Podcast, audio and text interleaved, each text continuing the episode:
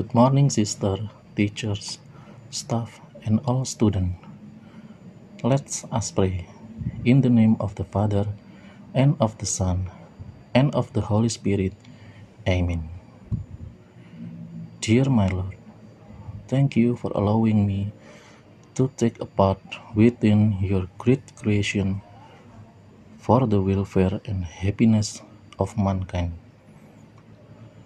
I ask for your wisdom and peace in carrying the duty on my work today. Please guide my mind, word, and act so I can finish my work good and right. Amen. Let us have a moment of silence to listen the Holy Bible. The Lord be with you and also with you. Reading from the Holy Gospel according to Mark. Glory to you, Lord. Jesus called the crowd to come closer to him. Then Jesus said to them, Listen to me, all of you. Try to understand this example that I am giving you now. Nothing that goes into a person's mouth from outside can make God angry with that person. But what comes from inside a person makes God angry with them. Think carefully about what I am saying. Jesus left the crowd.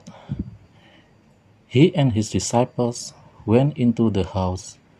The disciples asked Jesus question about what he had just said. This was Jesus' reply to them I am disappointed with you. You do not understand what this example means. You beg to understand this. A person might put food into their mouth, but this alone cannot make God angry with that person. This food does not enter and ruin his mind. Instead, it goes into his stomach.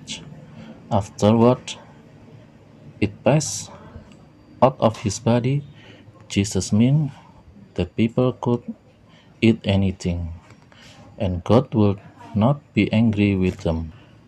But Jesus also said, What is important to God is this the way that people think deep inside themselves is important. And the things that they do as a result are important. That is what makes God angry with them. What people think deep inside themselves cause them to do wrong things. They act in ways which go against God's law. They steal things and they murder people. They have bad sex with other people and they are greedy. They act in an evil way toward other people and they lie to them. They do wrong things with their bodies. They are jealous and other people and they say evil things about them. They are proud and they act like fools. People think wrong thoughts and then they do wrong things. That is what makes God angry with them. This is the gospel of the Lord. Praise to you, Lord Jesus Christ. Suster, Bapak Ibu guru, Bapak Ibu karyawan, dan para siswa yang terkasih.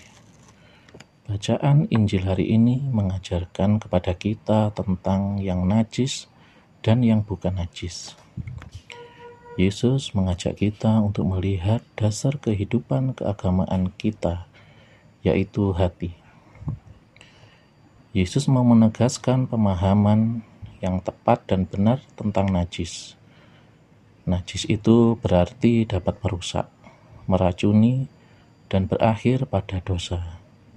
Oleh karena itu, Yesus mengajarkan kepada kita bahwa yang dikatakan najis adalah segala sesuatu yang keluar dari hati dan bukan yang masuk ke dalam perut manusia.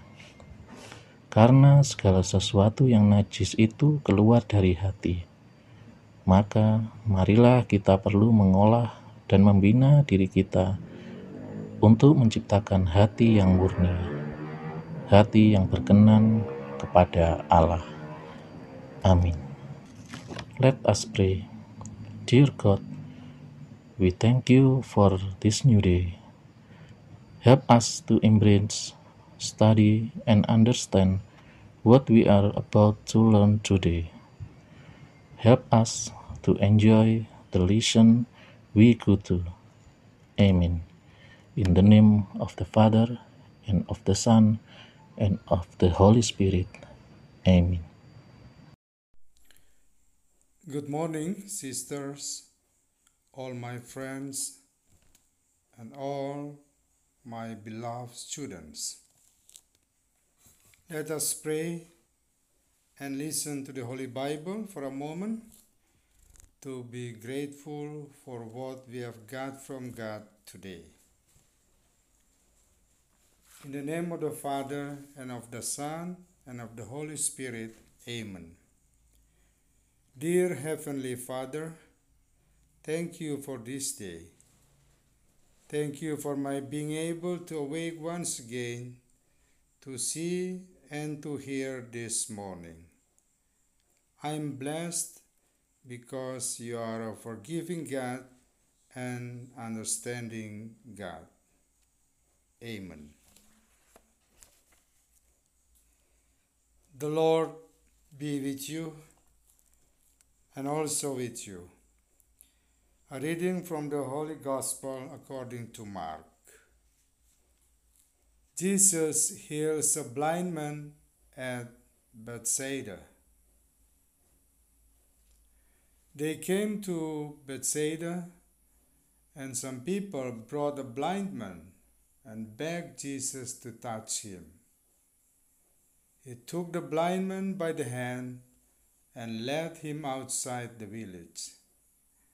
When he had spit on the man's eyes and put his hands on him, Jesus asked, Do you see anything? He looked up and said, I see people. They look like trees walking around. Once more, Jesus put his hands on the man's eyes. Then his eyes were opened. His sight was restored, and he saw everything clearly. Jesus sent him home, saying, Don't even go into the village. This is the gospel of the Lord. Praise to you, Lord Jesus Christ. Suster, Bapak Ibu guru, Bapak Ibu karyawan, dan anak sekalian yang terkasih. Kisah Injil suci hari ini menegaskan kepada kita betapa pentingnya iman dan keyakinan akan Kristus. Seorang yang buta matanya di Bethsaida disembuhkan Yesus. Menariknya adalah ketika mereka membawa dan memohon kepada Yesus untuk menyembuhkannya, Yesus tidak langsung untuk melakukan karya keselamatan itu. Namun, yang Yesus lakukan adalah membawanya keluar terlebih dahulu ke gerbang kota itu. Ada apa di balik semua tindakan Yesus tersebut? Jawabannya adalah iman. Iman orang itu belum bisa mengantarnya kepada keselamatan dari Yesus. Dalam diri si buta masih ada keraguan akan keselamatan yang diberikan. Ketika Yesus membawa orang tersebut keluar, itu menandakan bahwa Bethsaida diliputi keraguan akan Yesus. Hal itu menggambarkan bahwa untuk memperoleh keselamatan dari Yesus, kita harus keluar dari dalam keraguan kita. Kita keluar untuk meyakini bahwa Yesus akan menyelamatkan kita. Dosa dan keraguan adalah hambatan keselamatan dari Allah. Maka harus dibersihkan terlebih dahulu hati dan pikiran kita untuk siap menerima berkat dari Tuhan. Iman adalah pokok keselamatan itu. Ketika kita ragu, keselamatan dari Allah sungguh-sungguh tidak akan bekerja. Ketika kita berharap agar Tuhan menyembuhkan dan menolong kita, maka harus ada timbal balik, yaitu iman dan kepercayaan kita total kepada Tuhan. Iman menjadi media kita untuk mendapatkan keselamatan dari Allah.